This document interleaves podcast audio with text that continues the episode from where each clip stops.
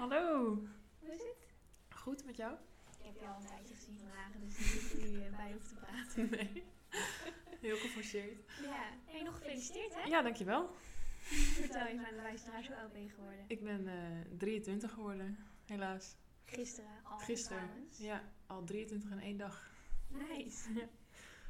Ja, we zijn even oud. Ik ben ook 23. Ja, Iets meer dagen. Helaas, jammer. 22 was misschien wel mijn lievelingsgetal, dus ik vind het nog een beetje jammer dat ik dat niet meer ben. Ja, 23 is lelijk hè? Ja, ja is niet veel moois aan, nee. En je hebt ook zo'n Facebook-post met ehm, check in on your friends uit 1989. Oh echt? Ze worden 23 dit jaar. En Oh, niemand vindt je leuk als je 23 bent. Oh. Oh, kut. De deur zit ook niet goed. En de deur, wacht even, één seconde. Dit knippen we wel. Ja. Ja, dat is wel triest. ja, dat is sneu. Maar we're still holding on. En het was Ja. een leuke dag. Ja, hele leuke dag. Lekker weertje.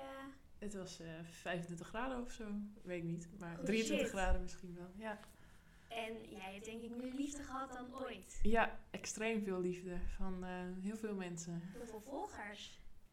Misschien Ja. zaten daar wel trouwe podcastluisteraars Ja, misschien bij. wel. Die eh, ja, al een beetje wisten. Er zijn gaan stalken op Instagram. Ja, dat zou leuk zijn. Maar ik heb wel een slotje. Dus misschien eh, Oh nee, dan moeten we nu een open profiel aanmaken. nee, grapje. Voor de fame. Ja. Maar ehm, ja, misschien moet je even vertellen wat je gisteren hebt geplaatst op de gram. Eh, ja. Gaan we eh, dan te hard van stapel met deze... Nee, het is wel deels de aanleiding van mooie timing van deze podcast, denk ik. Eh, ja, gisteren heb ik gepost ehm, dat ik nominair ben en dat een soort van aan iedereen bekendgemaakt.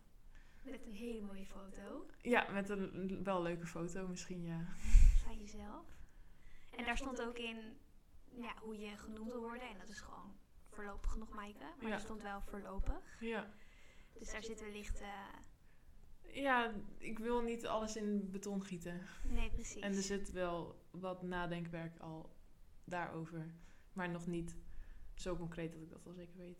Snap ik. Nou, misschien komen we daar later in deze podcast nog op. Mhm. Maar ehm, ja, waar, waar moeten we beginnen? Want dit is natuurlijk eh, iets... We hebben het al wel eens genoemd in de podcast. Ja. Ehm, om maar even het beestje bij de naam te noemen. Maaike is nominair. Oh, we moeten natuurlijk uitleggen wat het is. Ja. Nou, En dat heeft ze dus gisteren op Instagram geplaatst. Eh, en dat heeft ook te maken met eh, voornaamwoorden die je gebruikt. Ik zeg nu dus, ze heeft dat op Instagram Mhm. geplaatst. dat Maar je mag. zou dus ook kunnen zeggen, dat heeft die op Instagram geplaatst. Want dat zijn dus de twee voornaamwoorden waar jij graag mee aangesproken wil worden. Ja. Als Ja. ik me niet vergis. Nee, dat heb je goed gelezen. En dat heb ik ook heel vaak aan jou eh, Ja, gevraagd. Kan ik dit erbij zetten? Ja. Ehm, maar ja, dat is het, denk ik. Want ik heb nooit zoveel error gehad met zij. En eh, dus voor mij is dat niet zo'n issue. Maar ja, omdat ik wel graag wil dat mensen me niet meer als meisje zien, vind ik die ook wel mooi. En ook wel goed om dat wat normaler te maken. Dus hoe meer, nou niet hoe meer mensen dat gebruiken, maar ik denk dat het bijdraagt om daar ook over na te denken. En, Zeker. eh, was dat, dat was de vraag? Of is Ja, dat ook ik- een andere het vraag? was meer een soort van mededeling. Ik dacht, ik introduceer Ja. even van wat je Oh, we gingen uitleggen wat nominair is. Ja, laten we dat doen. Ehm, ja, nou, nominair, dat is voor iedereen verschillend natuurlijk. Maar voor mij betekent het dat ik me geen jongen en geen meisje voel. Of soms een beetje van beide. Of ja, gewoon niet. Voor mij is het eigenlijk, ik, ik voel me geen meisje en ik wil niet meer zo gezien worden, het liefst. En eh, een jongen voel ik me ook niet. En dan niet dat dit een derde gender is, want dat is het niet. Maar dit voelt alsof het klopt. Dus dat is het dan. En dat is natuurlijk waar het om gaat. Ja, Ja, en weet jou dus nog best een hoop anderen. En zoals je al aankaart terecht, eh, dat er dus ook heel veel mensen zijn die ja, daar weer een andere variatie op voelen. Ja, het is voor iedereen Zijn. anders. Ja. Ja, dat is natuurlijk wel heel interessant. Ik ben ook door jou wat meer van die accounts gaan volgen. En er zijn dus, eh, ja, als het alleen al om voornaamwoorden gaat, echt zoveel nieuwe Ja. woorden in mijn woordenschat terechtgekomen. Niet, ik moet eerlijk bekennen dat ik ze nog niet vaak gebruik, maar ik zie wel veel voorbij komen. Ja, ja. Er is, ja, het is voor iedereen heel anders. En dat vond ik dus ook wel lastig. ehm, dat je niet echt een handleiding krijgt met dit is wat je bent als je nominair bent en zo doe je het. Ik was graag naar de dokter gegaan en had bloed geprikt en dan een recept gekregen met wat mijn identiteit nou precies is. Maar dat is het niet. Maar ja, het is dus ook alweer heel vrij en dat vind ik wel heel fijn dat je het zelf kan invullen. En Ja. ja, alles wat ik dan kies om te doen of zo, dat maakt niet zoveel meer uit. Want ik sta buiten het hokje meisje, dus het hoeft niet meer daarin te passen. Mhm. Voor mezelf is dat heel fijn. Ja. Ja. Klinkt wel logisch hoor, vind ik. En ehm, misschien is het goed om even soort van terug te gaan en te kijken hoe, ja, hoe dit een beetje is ontwikkeld. Mhm. Want is dit bijvoorbeeld iets eh, wat altijd, waarvan jij altijd al hebt geweten van het bestaan van non-binariteit? Noem je dat zo? Eh, volgens mij wel. Heb je dit Ehm, altijd geweten? Ik, ik wist hier bijvoorbeeld niet altijd vanaf. ik denk pas sinds twee, drie jaar dat ik het wist. En ik had dus ook van veel mensen hoor ik dat toen ze dat hoorden, dat ze gelijk dachten van dat ben ik. Maar dat had ik dus ook niet. Hm. Dus daarom ging ik er ook weer aan twijfelen. Maar bij mij duren dit soort dingen gewoon lang. Want ik ja, ben daar altijd een beetje traag mee, denk ik. Sowieso een beetje traag. nou, ja, dat klopt wel. En eh, Karakter. ja, re- relaxed, Ja. laten we het zo noemen. Nee. Ehm, dus, maar nee, ik wist al wel lang van eh, transgender zijn af.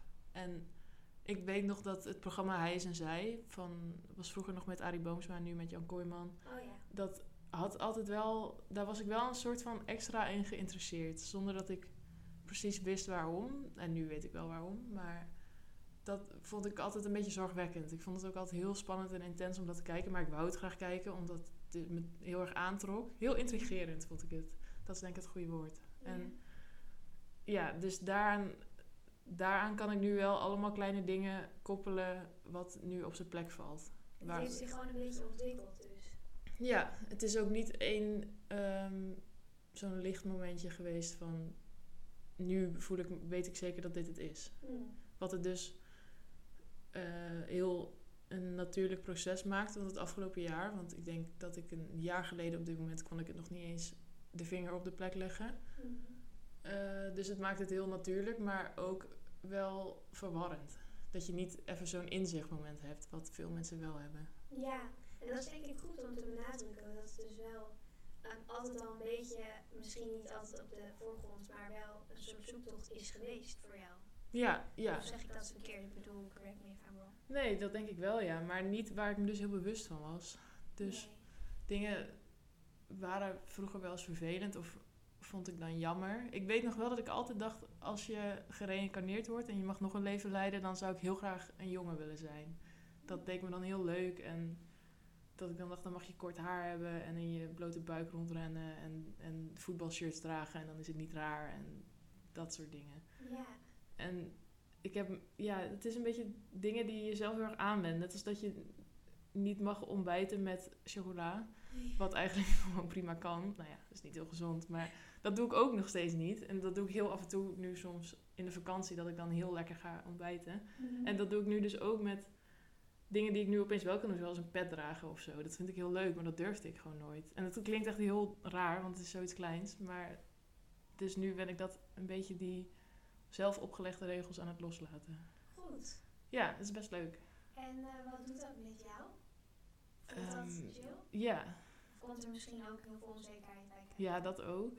Maar wel ook heel fijn. Zeg maar, ik check mezelf nu wel heel vaak in, in de reflectie. En dan soms is het wel heel fijn en soms is het... Nou ja, ik vond dat nooit fijn en nu vind ik het soms wel fijn. Dus dat is al een hele vooruitgang. En het voelt wel gewoon veel vrijer. Ja. En ik kies nu gewoon elke dag. Ik doe nu gewoon alles op mijn manier. En niet meer volgens, ja, hokje, nee, regels. Waarvan ik niet heel bewust door had dat ik die volgde, maar die ik toch wel volgde. Ja. Ik denk dat het heel erg per persoon verschilt? Ja, Als, je- als ik bijvoorbeeld terugdenk aan mijn middelbare schooltijd, waren er altijd wel, nou, er waren sowieso een hoop eh, scholieren die zich anders kleden dan het gemiddelde, Mhm. zeg maar. Dus je hebt natuurlijk op elke middelbare school heb je wel mensen die een beetje gothic of een beetje sporty of zo, weet ik veel. Gewoon mensen die zich ietsjes meer afwijkend eh, kleden van de rest. Ehm, maar er waren ook altijd, zeker bij mij in de klas ook wel meiden die zich heel sportief en stoer kleden. En dus wat jij noemt met voetbalshirtjes en petjes, dat eh, heb ik wel altijd heel veel gezien. Dus het is wel interessant dat jij je in dit geval, dat, dat je dat dus inderdaad beschrijft als een soort van zelf opgelegde regels. Ik denk, dat, dat vind ik dus heel boeiend. Hoe, hoe andere mensen dat ervaren of zo. Snap je bedoel? Ja, want voor jou is het gewoon mooi of fijn. Nou ja, Ja. ik heb dus ook altijd, ik draag nooit zo snel een petje bijvoorbeeld. Nee. Of ik zou ook niet snel een voetbalshirt aandoen. En ik heb wel eens dat ik bijvoorbeeld een voetbalshirtje aan heb omdat ik toevallig bij mijn vriend ben en geen sportshirt bij me heb. En dat voelt dan ook niet als iets wat, ik, wat bij mij past of zo. Maar ik geloof, ik, ik geloof niet dat dat gevoel voortkomt uit een zelf opgelegde regel. Snap je wat ik bedoel? Mhm. Dus dat is wel, ja, ik weet niet, ik vind dat wel interessant. Ja, het is ook niet.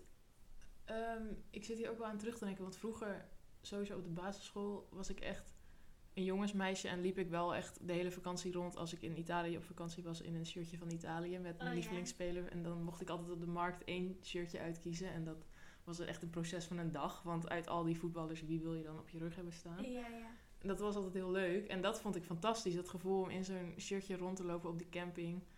En op de een of andere manier, toen ik naar de middelbare school ging, is dat weggegaan. En niet, ehm, dit heb ik dus niet per se als heel negatief ervaren. Maar ging ik gewoon meer volgens de normen kleden. Ik ben echt een basic bitch geweest. Ik liep met grote oorbellen en ux en een legging en een rokje en super lang haar. Dus ja, en dat vond ik dan nooit aan het begin heel mooi. Maar ik kreeg dan wel altijd heel veel reacties van... Oh, wat leuk dat je dat aan hebt. En ik voldoe dan aan het plaatje. En dat is ook gewoon fijn. Dat op dat, en op dat moment ehm, had ik echt niet, niet zo erg door dat ik mezelf dat oplegde. Dus was het gewoon wel prima. Want ja. ik vond het fijn om aan het plaatje te voldoen. Ja, snap ik. Ik denk dat dat voor mij ook eh, altijd zo is gegaan. Ik, ik kleedde me ook gewoon als eh, het gros. En ja, ik liep met ux en eh, heel veel zwart vooral. En spijkers, spijkerbroek. Ja, heel saai. En ik had ook die grote oorbellen. Ja. ja. Zo lelijk. Verschrikkelijk. Of van die strakke hemdjes met zo'n riempje dan om je heupen. Zo'n smal Oh, dat gekleed. was een zo'n tijdje smal roze ja. riempje had ik dan. Ja, Maar we hadden ook van die grote, een beetje nep bruin leren. ja dat had je ook daarna. Ja. Dat was ook oh, wat verschrikkelijk. lelijk. Ja, wat een tijden. Ja. Maar goed, ik kan me dus wel voorstellen dat, dat je dat zo voelt. Maar grappig dat er dan dus ook andere mensen zijn die dat helemaal niet hebben. Nee, Dus ja. nee, en omdat ik dus niet... Ik denk dat ik me gewoon makkelijk aanpas. En Mhm. me dus altijd makkelijk aanpaste aan... Ja, gewoon wat de maatschappij vraagt. het gangbaar was of zo. Ja, en zonder dat heel bewust te doen. Dus had ik het ook niet zo door. En Ja. daardoor duurde het denk ik bij mij allemaal wat langer om. Want ik was 22 omdat ik hier achter kwam. Dat is best oud. Ja, denk ik. Ja. Aan de andere kant. Ja, het is gewoon een, is een proces en ik denk dat dat voor iedereen misschien anders is. Iemand kan, daar, kan misschien bij van spreken geboren worden met dat gevoel en het helemaal weten. Anderen komen daar pas achter als ze 50 zijn. Ja. Ik bedoel, die mensen zijn er ook. Ja, Dus ik denk, ik denk niet dat het raar is. nee. Maar ja, het is wel interessant hoe dat dan ontwikkelt over de jaren heen. Want kan je ehm, ons even meer vertellen over het moment wat misschien nu een jaar geleden is of zo? Dat je het echt eh, het eerst aan iemand uitsprak? Wist jij b- bijvoorbeeld zelf al, al goed wat je gevoel hierover was? Of was er bijvoorbeeld een moment dat jij dacht van, dit is het, ik ben nominair. Nee, nee. Er was wel, ik denk ja, een jaar geleden. ehm, ik merkte, zeg maar, als we heel. We blijven even in alle uiterlijke kledingdingen, maar dat is lang, bij lange na niet alles aan dit. Maar daar, dat zijn gewoon van die praktische dingen waar je het aan merkt. Ik merkte dus op reis, ik ben voor corona in december toen teruggekomen van reizen. En toen droeg ik gewoon de hele dag een sport BH en daar liep ik dus wel eens in een voetbalshirtje die ik daar had gekocht. En Oh, dat ja. gevoel vond ik weer zo fijn en had ik gewoon mijn haar vast. En, eh, dus dat voelde heel goed. En toen kwam ik dus thuis en toen was het al bijna corona. En toen, dan ben je gewoon alleen thuis en alleen met je huisgenoten. En bij mijn huisgenoten voelde ik me 100% op mijn gemak. Dus ging ik toen echt dragen van wat ik wou. Mhm. En ja, gewoon een jonge shirt aan doen die ik ergens verstopt had in de kast. En daar dan de hele dag in liep. En dat vond ik dan heel chill. En ik had ook wel eens... Ik las dus meer dingen over bijvoorbeeld ehm, top surgery. Dus je borsten laten verwijderen. En toen, dat intrigeert me ook altijd heel erg. En dat dacht ik altijd wel, wow, dit zou ik eigenlijk best willen. Maar volgens mij voel ik me wel gewoon een meisje. Dus dat is dan heel raar. En je kan geen meisje zijn en dat willen. En, dus ik kon nog niet, ik maakte nog steeds niet die connectie. En toen ehm, merkte ik wel dat ik me langzaam gewoon wat kutter begon te voelen. En dat kan ook corona zijn geweest. Maar ja, gewoon echt dat ik soms uit het niet gewoon moest huilen. En dat hoef ik echt nooit. Ja, als ik dronken ben. maar verder hoef ik niet zo snel te huilen. En dat ik dacht, ja, er is iets niet helemaal goed. En ik weet nog dat ik het toen aan jou vertelde. Dat was zomervakantie. En Ja. ook nou, twee of drie dagen daarvoor of daarna. Ik weet niet meer wat eerst was aan eh, twee vriendinnen in Nijverland. Toen we echt s'nachts na drinken bij de rivier zaten te chillen. En dat ik het zo... ehm, dat ik echt voelde, er is echt iets heel erg mis. Ik voel me echt geen meisje en dit is echt nou, het grootste probleem wat ik maar kan hebben. Zo voelde het toen. En dat ik gewoon geen oplossing zag. Ja, en dat- ik kan me dat herinneren. Dat is ook, staat ook op mijn netvlies. Je had een beetje paniek of zo. Ja. paniek klinkt overdreven, maar ja, een beetje wanhoop of zo was nee, je het. wist gewoon niet zo goed wat je ermee aan moest. Dat zei je toen ook. Zo, Ja. ja. volgens mij. Zo bracht je het. Volgens mij. En ik weet het niet. Ik weet het nog niet zo goed. Nee. En ja, ik wist het toen ook niet zo goed. En daar hebben we het toen ook over gehad. Van, ja, en ik je ging dan vragen stellen. En je Ja. wist het ander niet. Ik zei, ik weet het eigenlijk ook niet. En wat moeten we daar dan mee? Ja, geen idee. Ik weet nog dat het echt zo ging. Ja, ik had geen idee. Want Ja. jij en die vriendinnen toen waren dan ook heel lief. En ik weet ook echt nog... Zo, normaal als je je dan even vervelend over iets voelt... dan helpt het heel erg om het aan je vriendinnen te vertellen. Maar iedereen zei... Oh, maar iedereen was dan heel lief. En ik wist gewoon zo niet wat ik ermee moest. Dus dat ik ook niks had aan die borden die iedereen tegen me zei. Dat ik echt dacht van ja... Maar dit gaat niet goed komen. Je kan zeggen wat je wil. Maar dit, dit is gewoon iets heel moeilijks of zo. Ja, Maar toen wist ik ook nog niet zo goed wat je dan kon doen. nee, precies. Ja, het was ook echt nog een beetje onwetendheid. Ja, Ja, want ik had dus nog niet het gevoel bij non-binair van dat is wie ik ben. Dus daar kan ik dan naartoe gaan. mhm. En ja, ik denk dat ik dat pas sinds nog best wel kort heb. Mhm. Dat ik dat pas denk... Dat denk ik voor nu. Hè. Ik wil dat nog steeds eigenlijk niet in beton gieten. Maar ik denk dat dat wel het is wat het is. Mhm. Maar langzaam kwam er een beetje. Ja, dat- toen heeft het wel. In het najaar ben ik er volgens mij niet zoveel mee bezig geweest. Maar, of wel, maar niet zo actief. Ik weet niet meer zo goed. Maar in ieder geval in januari heb ik toen de dokter gebeld. Dat weet ik nog wel. Ja, zoals ik me herinner, maar dat is natuurlijk alleen puur hoe het op mij overkomt. Is het inderdaad in de zomer hebben we het er veel over gehad. En toen was die onwetendheid er vooral. Ja. En toen op een gegeven moment was er een punt, zeg maar, ja, ik denk misschien inderdaad december, januari of zo. En ja, jij zal er natuurlijk veel meer mee bezig zijn geweest, maar op het moment dat wij het erover hadden, was het steeds van, ja, misschien vind ik dit, misschien vind ik dat, misschien wil ik dit in de toekomst, misschien niet. En nou, gewoon een beetje op die manier. En toen ineens was er heel veel, leek het alsof je erachter stond, alsof je het een beetje ja, had geaccepteerd. Zo van, volgens mij, volgens mij past dit bij mij. En volgens mij Ja. ben ik non-binair. En volgens mij, en je wist ook ineens over je voornaamwoorden dat je dan zij en die wilde. En dat dat ook, volgens mij, ja, ik weet niet. Ik had het gevoel dat je gewoon een soort van eh, acceptatie had ge- gevonden of zo, voor jezelf ook. Dat je Ja, het kon uitleggen aan jezelf. ja ik, dat is wel pas recentelijk meer. Maar ik weet nog wel toen. Ik had het ook. Dat wel echt vriendinnen ook. En jij en volgens mij wat uit Nijvel echt tegen me zeiden van... Dit is misschien wel iets waarmee je met iemand over moet praten. En dat durf je zelf niet zo goed toe te geven. Maar als... Ja, ik luister... Ik baseer alles, al mijn keuzes op mijn vrienden. Dus als die dat zeggen, dan zal dat wel waar zijn. En daar was ik het ook wel mee eens. En toen had ik dus de dokter gebeld. En toen dan moet je dat uitleggen aan iemand die je niet kent aan de telefoon. Nou, dat vond ik echt verschrikkelijk. Toen ben ik nog hier naar jou toe gegaan. Toen hebben we Down the Road gekeken nog. weet je nog? ja, ik weet het nog. Dat was echt zo kut. Of nou, wel leuk daarna, maar dat moment zelf was echt zo kut. Ja. En, ehm, maar die was heel aardig gelukkig en toen kreeg ik gelijk een doorverwijzing. Mhm. En toen begon het een beetje... ehm, toen wist ik, zei ik ook van, ik weet niet eh, wat ik dan ben, maar geen meisje. En dat weet ik wel, zeg maar. En toen ging ik dus met die psycholoog praten. En toen ging ik ook diezelfde week ook naar de kapper. En toen begon het proces een beetje te lopen. Ik weet nog wat ik dacht, oké, die week dan gaat alles veranderen. Dus ik was die week daarvoor ook heel zenuwachtig. En eh, een beetje alsof, dan alsof dat het startpunt was of zo. Ja. En dat voelde al gelijk best, ja, toch best wel goed. Ik had er wel zin in, want ik dacht, het kan eigenlijk alleen maar beter worden. En sindsdien is er een beetje een soort van pad gekomen of zo. Als je het moet uitbeelden, dat, er, dat ik langzaam... Nu doe ik gewoon alles op mijn gevoel en dat voelt dan wel goed. Ja, dat is denk ik wat ik bedoelde met een soort van, je, je- dat straal je uit. Dat je het op gevoel doet en dat je daarachter staat. Ja, ja, dat, ja, ja, dat straal je ook echt uit. Ik heb ook vanochtend dan mijn laatste psycholoog eh, gesprek, afspraak, sessie gehad. meeting.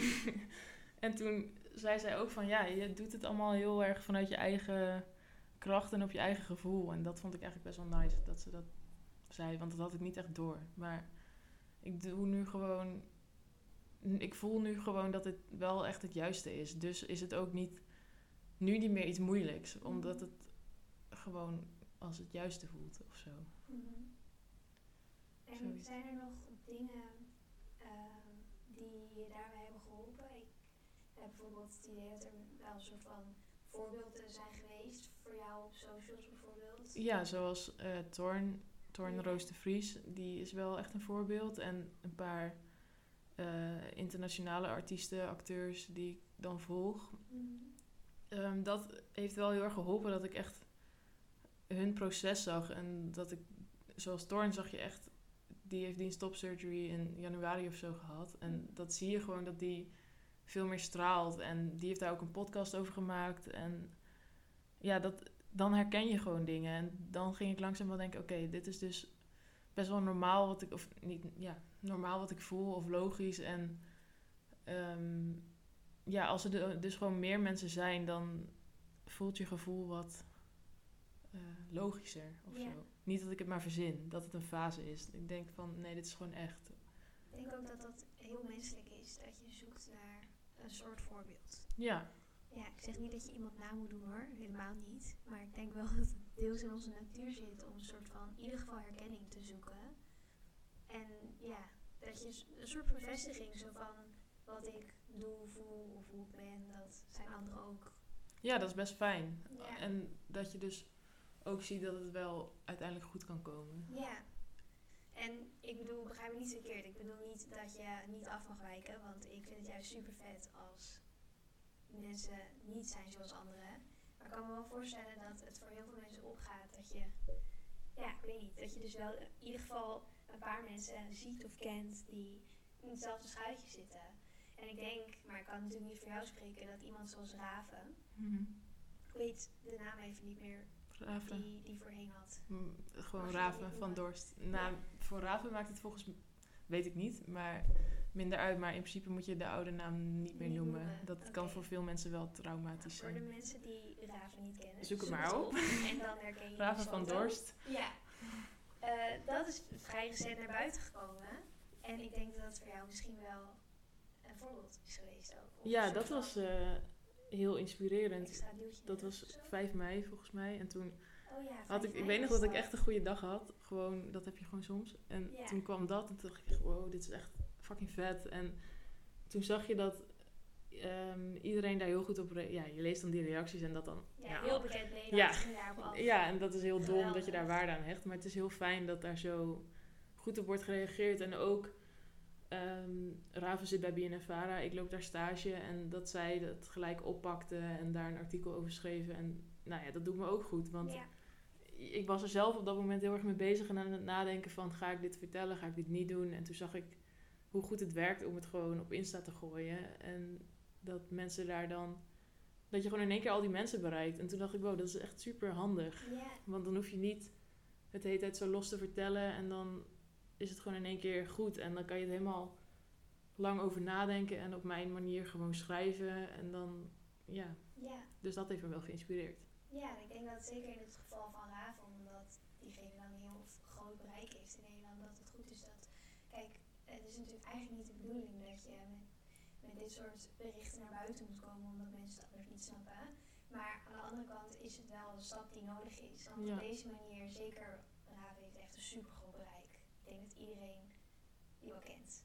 Ja, ja. In ieder geval van gezicht. ja zeker. Dus ja, als dat dan zo rondgaat, dan weten mensen die voorheen misschien helemaal niet wisten wat non-binair is, dat dat nu wel. ja, dat vind Dat ik wel heel fijn. wel op de korte termijn wel ja, veel verandering brengen, denk je niet? Ja, en ook eh Thorn die speelt in Spangas. Die was het eerste non-binaire personage in Spangas. Dat vind ik ook heel belangrijk, want dan... Als ik dat misschien toen al wel had gezien, toen ik, want toen ik 12 was, keek ik ook elke dag Spangas. Dan was misschien toen al wel een kwartje gevallen. Ja. Wat ik niet, weet ik niet hoor, maar dat, die kans is er wel. Want er is ook zo'n quote: You can't be what you can't see. Je kan niet Ja. zijn wat je niet ziet op tv of in, in de Ja. media of in je omgeving.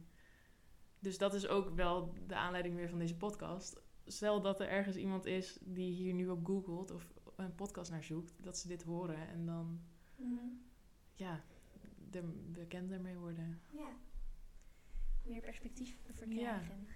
Ja, en als, als jij dus kinderen krijgt, dat je dan nu daar bewuster van bent dat als je een meisje krijgt, ze zich misschien wel geen meisje voelt. En Ja. dan daar. Niet dat je nu per se je kind genderneutraal moet opvoeden, maar dat je in ieder geval er open voor staat en Ja. er iets meer naar kijkt. Ja. ja, want laten we daar deze podcast ook even voor gebruiken. Kijk, ik wil niet mensen de les gaan leren, want als er iemand nog maakt, omtrent, eh, nou, bijvoorbeeld voornaamwoorden, denk ik dat. Maar we zijn op de wereld om te leren, dus fouten mogen gemaakt worden. Zeker. eh, zolang je zelf af en toe verbetert. Dus misschien kunnen we het eens hebben over nou, dingen in het dagelijks leven die nog niet zo goed zijn ingesteld op nou ja, gender. Dus bijvoorbeeld openbare toiletten Gender reveal parties. gender review parties. Don't even get me Oh my started. god, daardoor is de halve, het halve bos afgebrand. Ook dat. Het is sowieso fucking bullshit, Ja. sorry, maar... Sorry als je dit net hebt gepland. of jij een jongen of een meisje krijgt. Nee, ja, ik vind dat dus altijd zo. En ergens wil ik niet ontkennen dat gewoon 90% van de mensen zich wel goed voelt in hun gender. En dat je echt, als je als vrouw geboren bent, nog steeds vrouw mag zijn. En blij mag zijn dat je een meisje krijgt. En bla bla bla.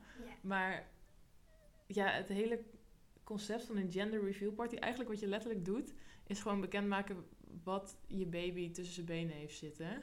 En helemaal niet bij stilstaat wat voor meisje of wat voor jongen of wat voor mens die is. Ja, je duwt eigenlijk je ongeboren kind Ja. in een hokje. Want je moet gelijk, ik vond het ook altijd stom. Hè? Had ik dan roze beschrijf bij meisjes. Ik vind, Ja. Blauw was mijn lievelingskleur, al vanaf jongs af aan. Hoezo? Omdat je een meisje bent, moet je een meisje zijn. Het is zo, de maatschappij is daar zo op ingesteld. En het begint dus al vanaf voordat je bent geboren. Mhm. En dat gaat door in eh, jongens- en meisjes-wc's. Nou ja dat, ja, dat is er gewoon, maar er moet er gewoon in bij komen. Ehm, dat gaat door in je Happy Meal bij de McDonald's, wat ik al een keer had gezegd keer volgens mij. dat Ja. Ehm, dat je als meisje eigenlijk ehm, niet met jongens mag spelen zonder dat het eh, iets betekent of zo. Het slaat Ja. nergens op. En als jongen mag je niet huilen en mag je niet. Want het, het gaat ook mensen. Dat vind ik dus wel belangrijk. Het hele, de hele binariteit, het woord dat je net zei. Dus dat je of man of vrouw bent en als vrouw vrouwelijk moet zijn en als man mannelijk moet zijn. Het gaat ook jou. Het gaat ook eh, mannen die niet kwetsbaar mogen zijn. Ja.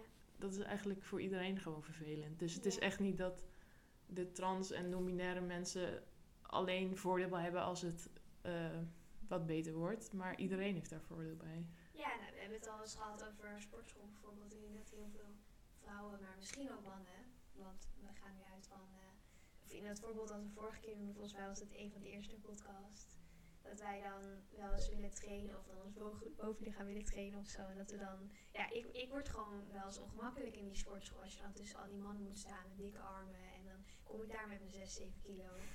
Eh, tegenwoordig trouwens niet. Tegenwoordig wel 8. ja, het is wel vervelend dat Ja. het zo is. Ja, en dat zit hem in veel dingen. Ook ehm, met je baan wordt van jou als vrouw veel minder verwacht. Wordt er meer verwacht dat je een keer een tractatie meebrengt dan dat je de cijfers uit je hoofd kent. En dat is natuurlijk niet altijd meer zo, maar diep van binnen zit dat er echt nog. En dat je bij een arts altijd denkt aan een man en niet aan een vrouw. En bij een schoonmaker aan een vrouw en niet aan een man. Dat zit er zo diep in. ja. En dat is nog een heel ander probleem, maar dat is wel volgens mij heel erg in verband met de hokjes van gender en bin- bi- het binaire stelsel, zeg Ja. maar, tweedeling. Dat komt daar allemaal uit voort. Ja, en eh, je noemt net al even van, het is natuurlijk ook helemaal fijn, helemaal prima als je je wel fijn voelt met je gender en je daarmee identificeert en ja, dat je in principe dus in het hokje past, als we het Ja. zo mogen noemen. En dat mag natuurlijk ook zeker Er is blijven niks mis mee. Nee, Ik accepteer het. Niks mis met blokjes. Als je maar gelukkig bent. Ja, echt zo. Alleen, ehm, ja, je wil natuurlijk iedereen die kans bieden. Dus wat doe je daar dan aan? Hoe, hoe lossen we dit op? Je noemt net al praktische voorbeelden. Dus bijvoorbeeld een genderneutrale toilet of iets dergelijks. Maar zijn er bijvoorbeeld dingen die we in woordenschat kunnen aanpassen? Nou ja, ik denk zelf dat er ehm, meer neutrale woorden kunnen worden gebruikt. Dus heel Ja. vaak zeg je hij slash zij, typ je dan.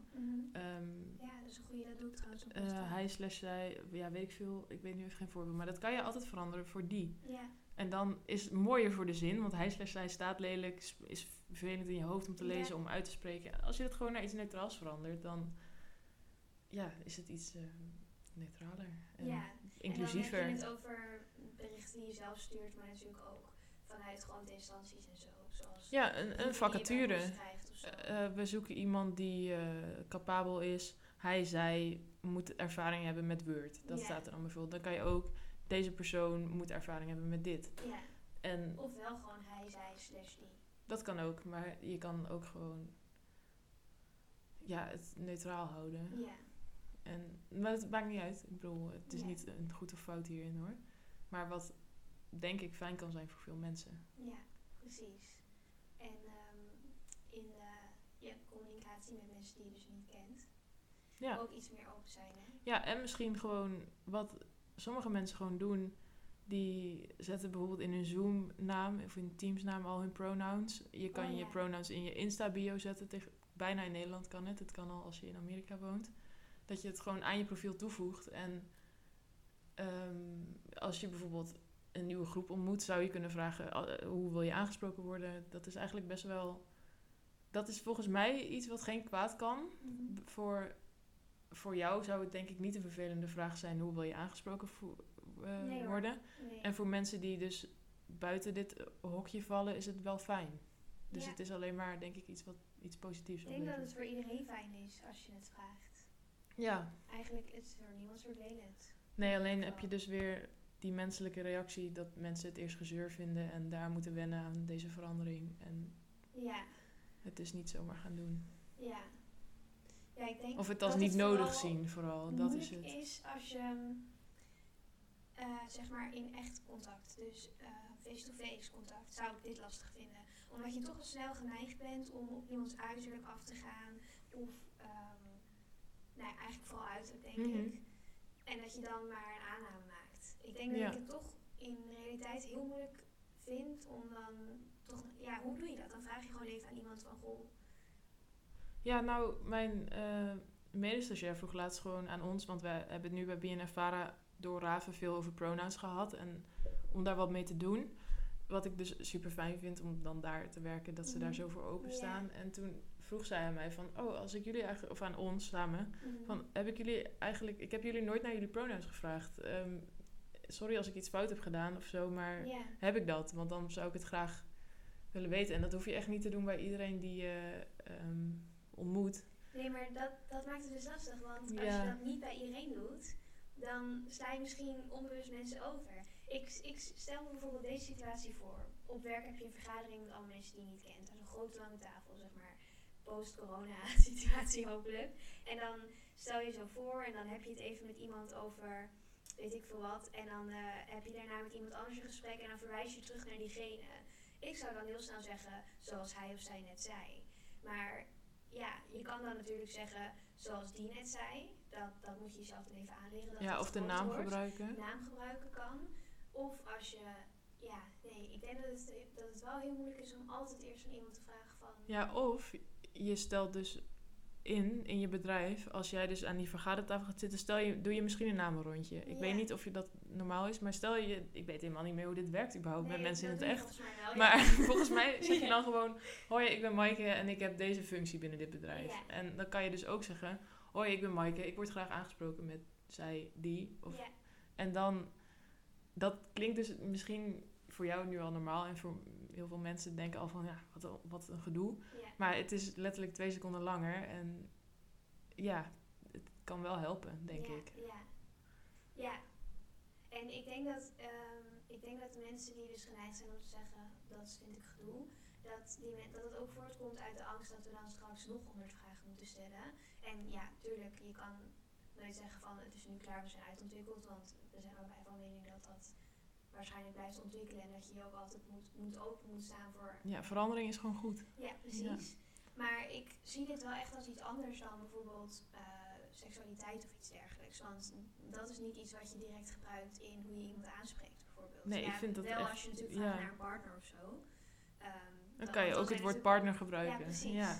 Maar het heeft, ja, dit heeft wel echt te maken met hoe je jezelf identificeert. En niet zozeer met iets anders. En daarom, die voornaamwoorden zijn wel echt ja, belangrijk. Ja, ja. en daarom is dit specifiek denk ik belangrijk om in het dagelijks leven ietsjes actiever toe te passen.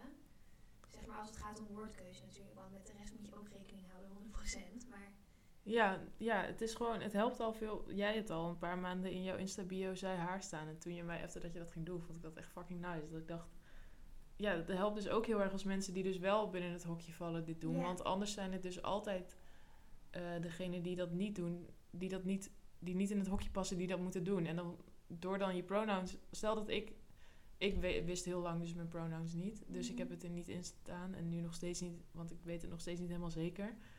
Ehm, dus, maar als ik dus dat wel wist, dan was ik weer degene die dat in zijn bio zet. En Ja, dan val je dus gelijk weer op. En als iedereen dat doet, dan kan je op een gegeven moment niet meer mensen daarop pakken of zo. ja, precies. Dus dat moet gewoon worden. Ik, ik zou bijvoorbeeld ook wel voor me zien dat je bijvoorbeeld, eh, als je werkt bij de Albert Heijn, heb je altijd zo'n naamkaartje, weet je wel. Dat het Ja. daarop zou staan. Ja, verder in, bij andere banen heb je dat volgens mij niet, een naamkaartje. Maar nou, ik vond het eigenlijk wel een goed idee. Ja, en wij zaten ook wel eens na te denken om het misschien in je mail te zetten, in je handtekening. Je handtekening is goed. Dat, je er gewoon achter zet, eh, Charlotte Mulder zei haar. En Ja. dan- Maar het zijn natuurlijk nu allemaal Maar je moet het allemaal ehm, open houden. Want er wordt heel Ja. snel gezegd, je moet dit en je moet dat. En er moet helemaal niks. Zou, zou een oplossing Het zou, zijn. ja, en het zou dus. ehm, ja, ik wil nu niet zo'n weerstand creëren, maar het zou fijn zijn als je ervoor open staat, zeg Ja, maar. ja. En je moet het ook alleen doen als het goed voelt. Ja. Ja, en ik denk dat het ook een beetje op een gegeven moment moet blijken of dit werkt. Het is Ja. iets wat we allemaal moeten proberen wellicht. Of nou, we moeten dus niks. Nee, maar- Uitkijken wat we nu zeggen, maar Ja. ja, dus ik denk dat het goed is om dit te proberen.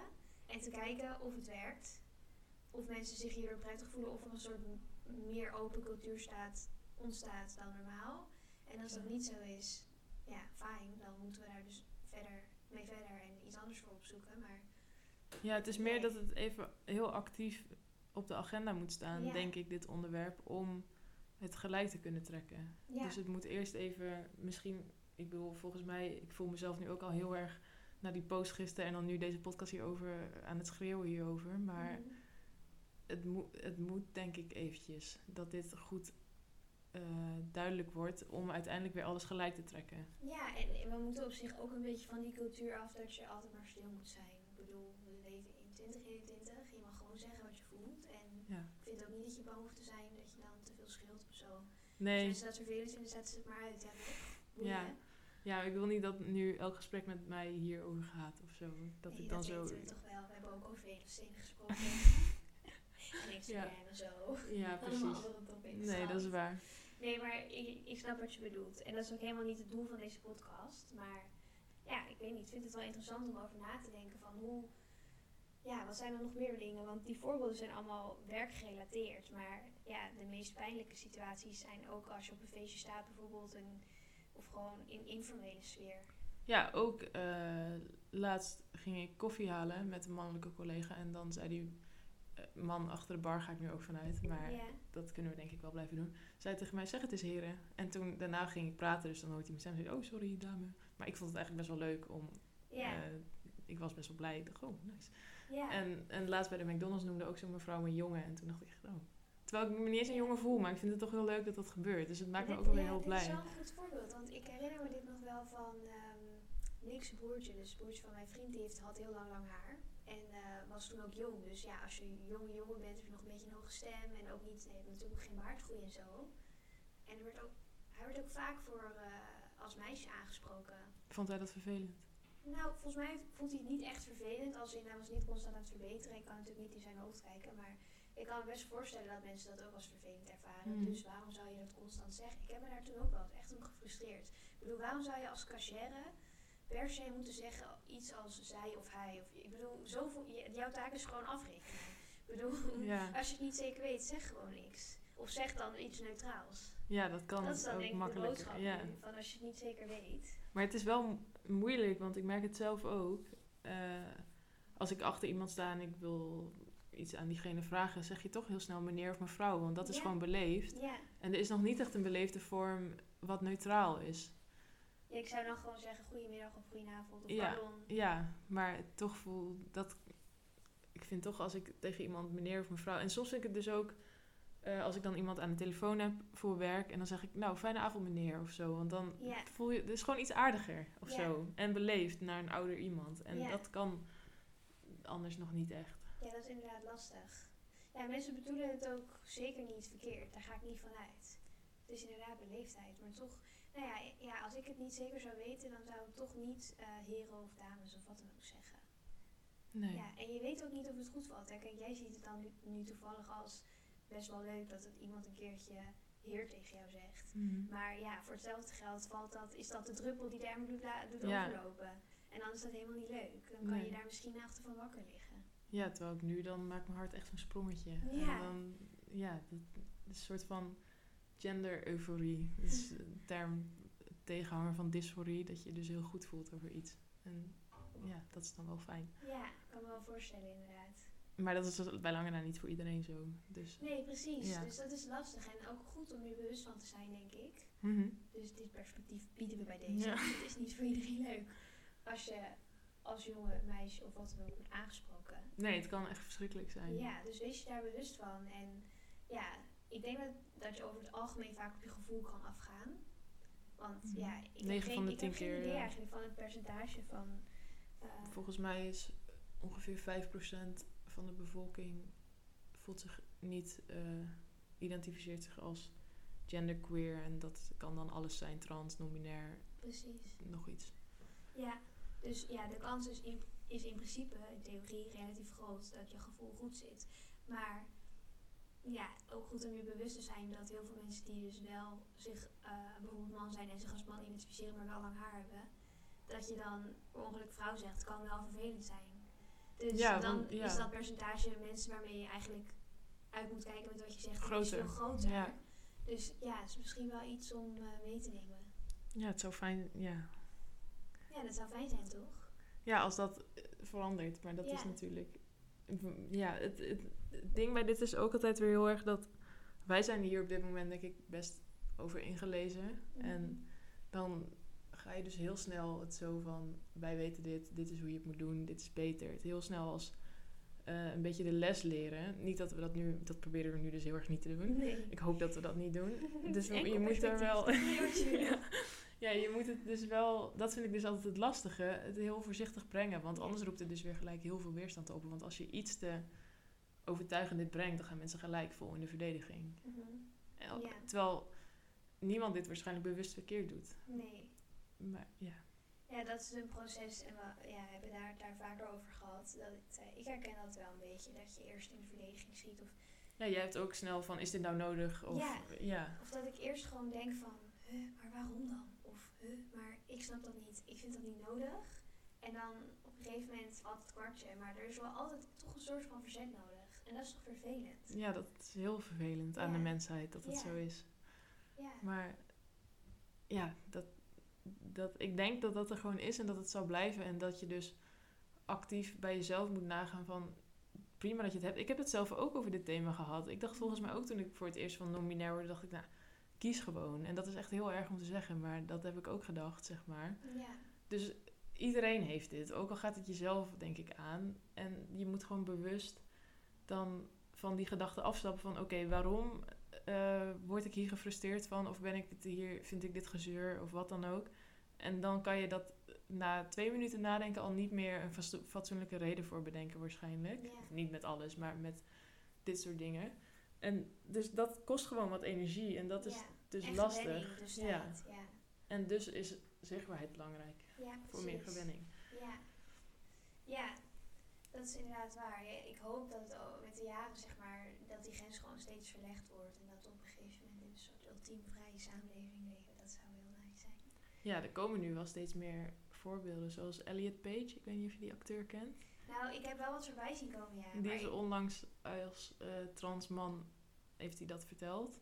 En die stond nu voor het eerst op de cover van, als eerste transman ooit op de cover van Time magazine. En dat is gewoon wel vet. En die had dan zo'n interview bij Oprah waar die hierover vertelt. En ja, het is echt zo'n, het voelt een beetje alsof deze tijd een soort keerpunt is. Waar steeds meer, eh, het kan steeds meer. En het wordt hopelijk over vijf of ja, misschien tien jaar is het gewoon geaccepteerd. Ja, Dat zou fijn zijn. ja, het liefst natuurlijk nog sneller. Ik heb wel het idee dat het nu snel gaat. Hoewel het natuurlijk van een afstandje, als iemand die er niet dagelijks in zit of dat ervaart, makkelijk om te zeggen dat het snel gaat. Maar er is, je ziet wel veel, er is wel veel aandacht voor. Maar ja, het in gaat, bubbel wellicht. ja, in Nederland gaat het volgens mij wel redelijk goed. Maar er zijn ook in Amerika heel veel juist weer anti-trans wetten die er nu doorkomen. Oh, Dus dat je onder de 18 geen eh, hulp, eh, eh, gezondheidszorg meer krijgt. Dat zijn ze nu aan het doen. Nou, dat is echt heel erg. Dat je... ehm, ze willen zelfs op sommige scholen in heel conservatief Amerika... dat je als, als je transgender bent en dan transjongen, transmeisje, non-binair, wat dan ook... mag je niet meer met de, norm- de normale kinderen... Ik doe nu eh, aanhalingstekens met mijn handen. eh, mag je niet meer meegimmen, moet je apart... Ehm, moet je misschien soms zelfs laten zien wat er in je broekje zit als je aan de sportwedstrijden mee wil doen. het is Oh, echt, dus het gaat weer heel erg terug ook. En dat vind ik wel eng. En het is wel Amerika en het zal waarschijnlijk in Nederland niet zo snel gebeuren. Maar ja, het is toch op een, ja, een groot land waar het dan toch wel weer zo gaat. Ja, Dus het gaat ook wel heel goed, maar het gaat echt nog lange na niet goed. Bij Ja. lange na niet goed genoeg. Ja, en ik denk dat waar we het net over hadden, dat verzet, wat eh, volgens mij heel breed wordt gedragen, in ieder geval in het begin. En ik hoop, net zoals bij mij, dat dat dus bij veel mensen ook weer snel omzet naar acceptatie. Ehm, maar het heeft dus ook een hele extreme kant. Mensen die zich hier echt 100% tegen verzetten en Ja, helemaal niet eh, meegaan in dit soort bewegingen. En dat is inderdaad echt eng. ja, ja. Zoals. Trump had ook dus weer afgeschaft dat je als transgender persoon niet in het leger mag. En dat soort dingen. En dat is dan... bullshit. Ja, dat vind ik ook. En dat is toch wel dan de harde realiteit of zo. En ja. in Nederland hebben ze ook nog steeds nu niet er doorheen dat, ehm, hoe noem je dat?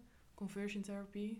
Ehm, er zijn van die kampen waar je als vaak bij in gelovige kringen als kind, als je homo of trans of iets bent Oh, wat van. God niet mag, word je daar ingestuurd. Ja, en dan genezing. ja, genezingskampen. Ik weet even het Nederlandse woord niet, maar ja, dat is echt heel traumatisch. Ja. En dat kunnen ze nu ook nog niet afschaffen. Dat komt er niet doorheen dat ze dat kunnen verbieden. Ja, dat vind ik ook heel erg. Dan denk ik, hoezo kan dat niet verboden worden? Mhm. Dan staat weer die godsdienst ook boven... nou ja, dat is een ander onderwerp. maar, Nou ja, het ligt, wel, het ligt bij elkaar natuurlijk. Ja. Dus het gaat wel echt de goede kant op. Maar er zijn nog wel dingen die beter kunnen. ja, en het is denk ik ook heel belangrijk om even te benadrukken dat we mensen dus niet per se iets verwijten. Want je mag natuurlijk, je mag je hier tegen verzetten. Je hoeft er helemaal niet in mee. Maar het is wel belangrijk dat je dus anderen niet belemmert. Anderen hun vrijheid niet beperkt door dus op deze manier bijvoorbeeld woorden te gebruiken zoals we dat net aangaven. Dus helemaal fijn als jij ergens in gelooft en je daardoor hier tegen verzet. Maar ik bedoel, ik bedoel, ja, ik sta er niet per se achter of zo, maar dat mag natuurlijk. Ja, Alleen het is wel heel beperkend als je dat zo uitdraagt. ja, ik, dat vind, is heel ja, storend. ja, ik vind sowieso dat tegen bepaald soort mensen zijn gewoon niet mag. Ook al is het je geloof. Ja, ik, ja ik, kan, ik kan daar zeker in vinden en ik sta daar ook niet achter. Maar ik vind het wel lastig, zeker in- omdat er in Nederland zo in zit dat je vrijheid van geloofsovertuiging hebt en van godsdienst. Ja, maar je mag volgens artikel 1 niet discrimineren. En dat doe je dan wel.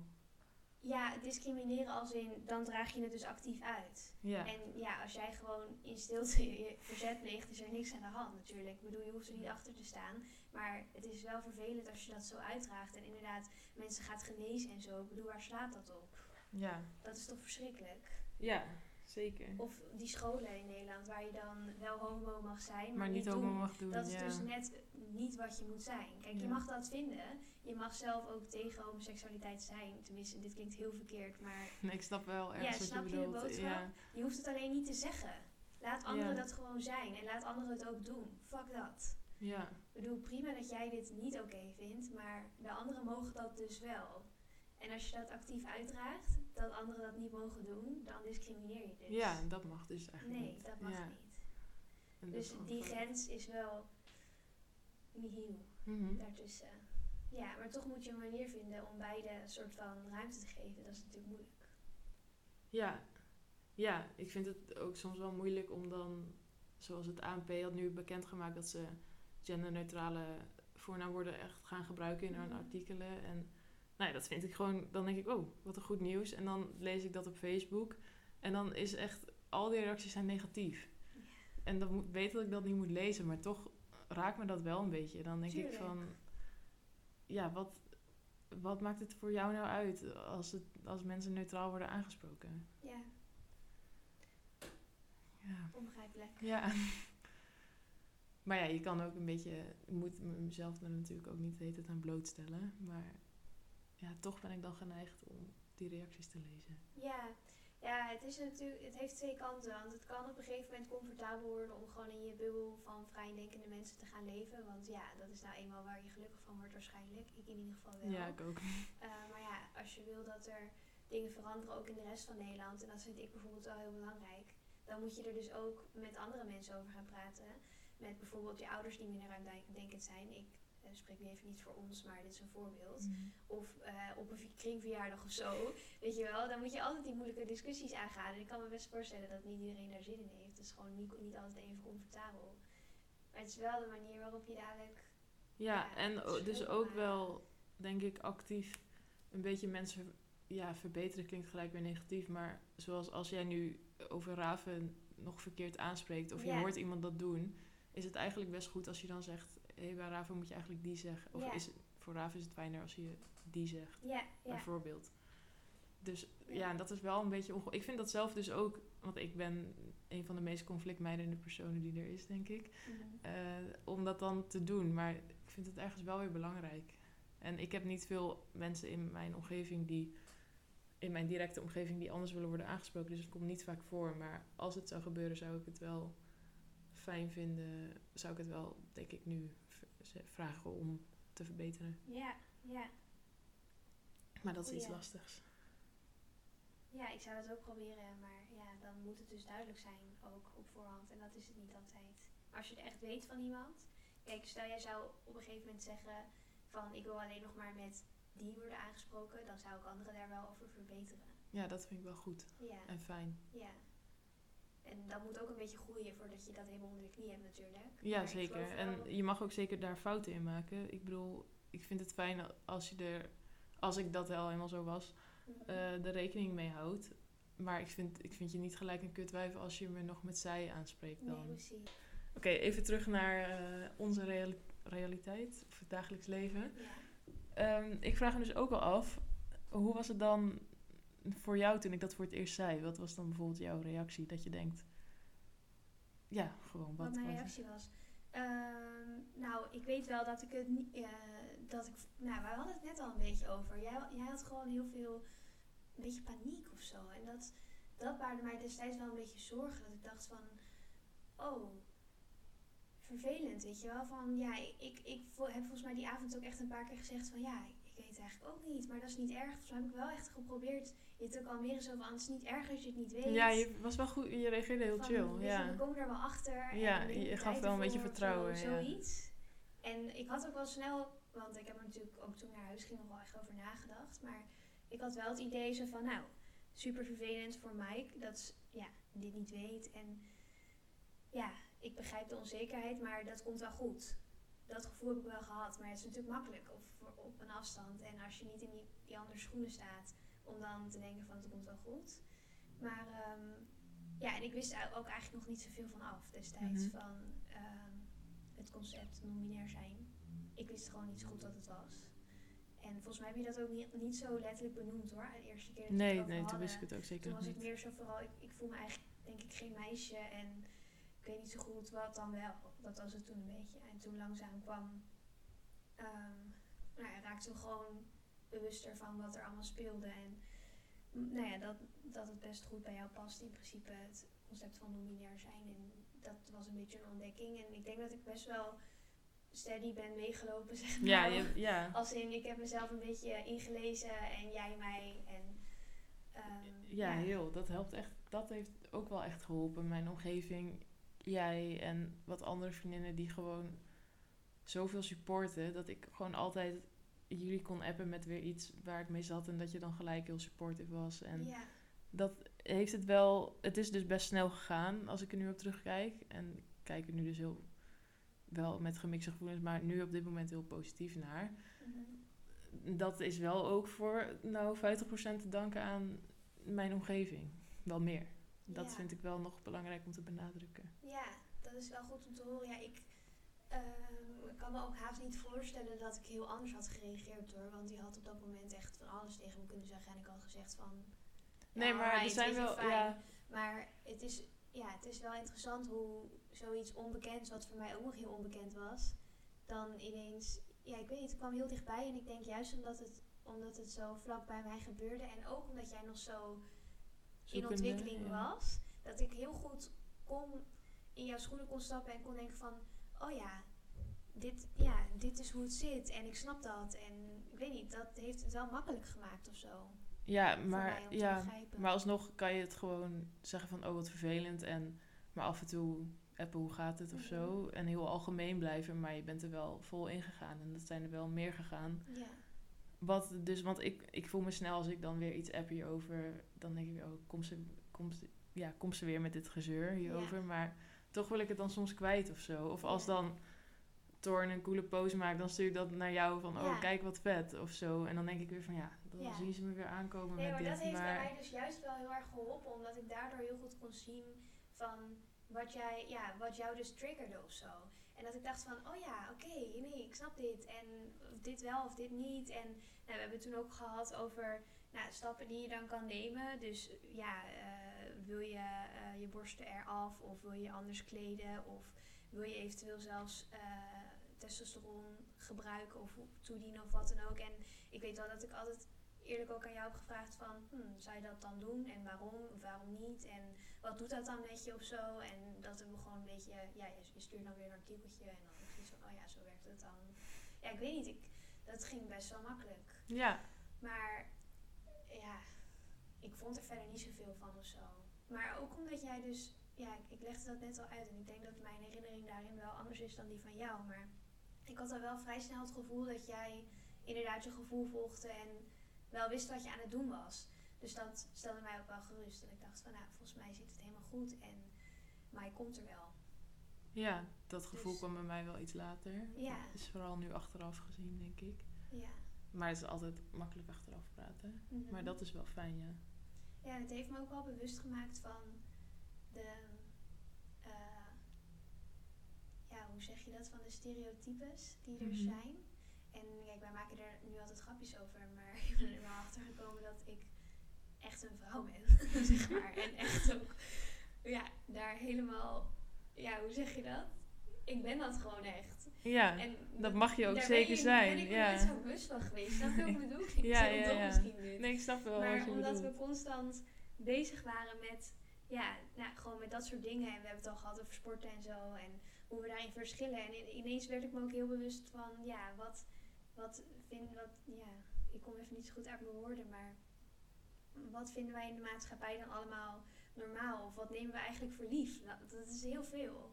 Ja, ja, maar toch is ja, heb ik gewoon, ik had gewoon zo erg in mijn hoofd van als ik dit zeg en als in het begin gewoon heel erg van oké, dit ben ik misschien en dan had ik een beetje twee keuzes of zo doorgaan met hoe ik was en dan blijft alles hetzelfde en dan hou ik mijn vrienden en, en krijg ik later nog een baan en als ik Mhm. dus voor dit andere pad koos, wat ik nu dan wel heb gedaan, dan wordt alles anders. Wordt elke vriendschap anders. Krijg ik moeilijker werk. ehm, willen mensen niet meer zomaar met me omgaan. En dat is gelukkig niet zo gebleken. En jullie hebben mij nooit het gevoel gegeven dat dat zo was. Nee, ik heb hier ook echt nooit over nagedacht. Dat is echt helemaal eerlijk. Ja, in mijn hoofd werkte het toch wel zo. Nee, ik zo. heb daar echt nooit bij stilgestaan dat dat dan anders ging worden of zo. Ja, en ik dacht ook met Selene van, ja, dit is gewoon letterlijk een damesdispuut. Ja. Nou ja, dame heb ik echt enorme cringe mee met dat woord. Maar ja, dat maakt niet uit, want ik wil graag bij Selene horen. Maar Ja. dat ik dacht, ja, misschien moet ik daar dan ook maar mee stoppen. En met die stomme veehals t-shirts Ja, vind ik dan ook ik. wel iets En dat is wat lastigs. ik bedoel te zeggen net, met dat ik me dus bewust werd van hoe erg ik op de vrouwelijke stand sta ingesteld of zo, zonder dat ik me daarvan bewust ben. Dat je bijvoorbeeld in, nee, je noemt al veel als t-shirts, maar dat, we altijd, dat ik altijd kleding draag die getailleerd is of zo. Ja. Dat, je bent er, ja, ik ben me daar nooit zo bewust van geweest, maar ineens Nee, ik ook niet zo werd hoor. dat allemaal wel duidelijk. En ja, wat jij zegt, inderdaad, zo'n dispuut. Ja, ik snap, ik snap wel hoor, nu je dat zegt, dat je daar druk om hebt gemaakt. Maar het is denk ik ook heel goed om, eh, dus van mijn kant naar jou te zeggen dat dat dus echt, dat is echt nooit een issue geweest. Ik heb nooit gedacht van, oh, hoe gaat dat dan zijn als we, weet ik veel, samen zijn of eh, whatever, in, in kleedkamers of zo. We hebben het wel eens gehad over, ga je dan naar een vrouwenkleedkamer Ja. of niet, weet je, dat soort dingen. Ik Ja, ik heb dat echt nooit ik heb eigenlijk nooit echt stilgestaan bij wat gaat er dan veranderen of zo. Maar ik ben meer bezig geweest met hoe jij je dan voelt en hoe jij erin staat. Ik denk dat jij als enige echt bezig bent met die praktische dingen en die praktische momenten.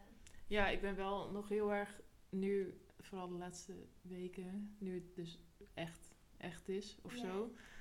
Heel erg met iedereen die ik zie en waar ik mee chill, met eigenlijk iedereen om mij heen, ben ik een soort van nog half aan het observeren of het nog hetzelfde is als hiervoor. De interactie, de, de sfeer. En niet dat ik.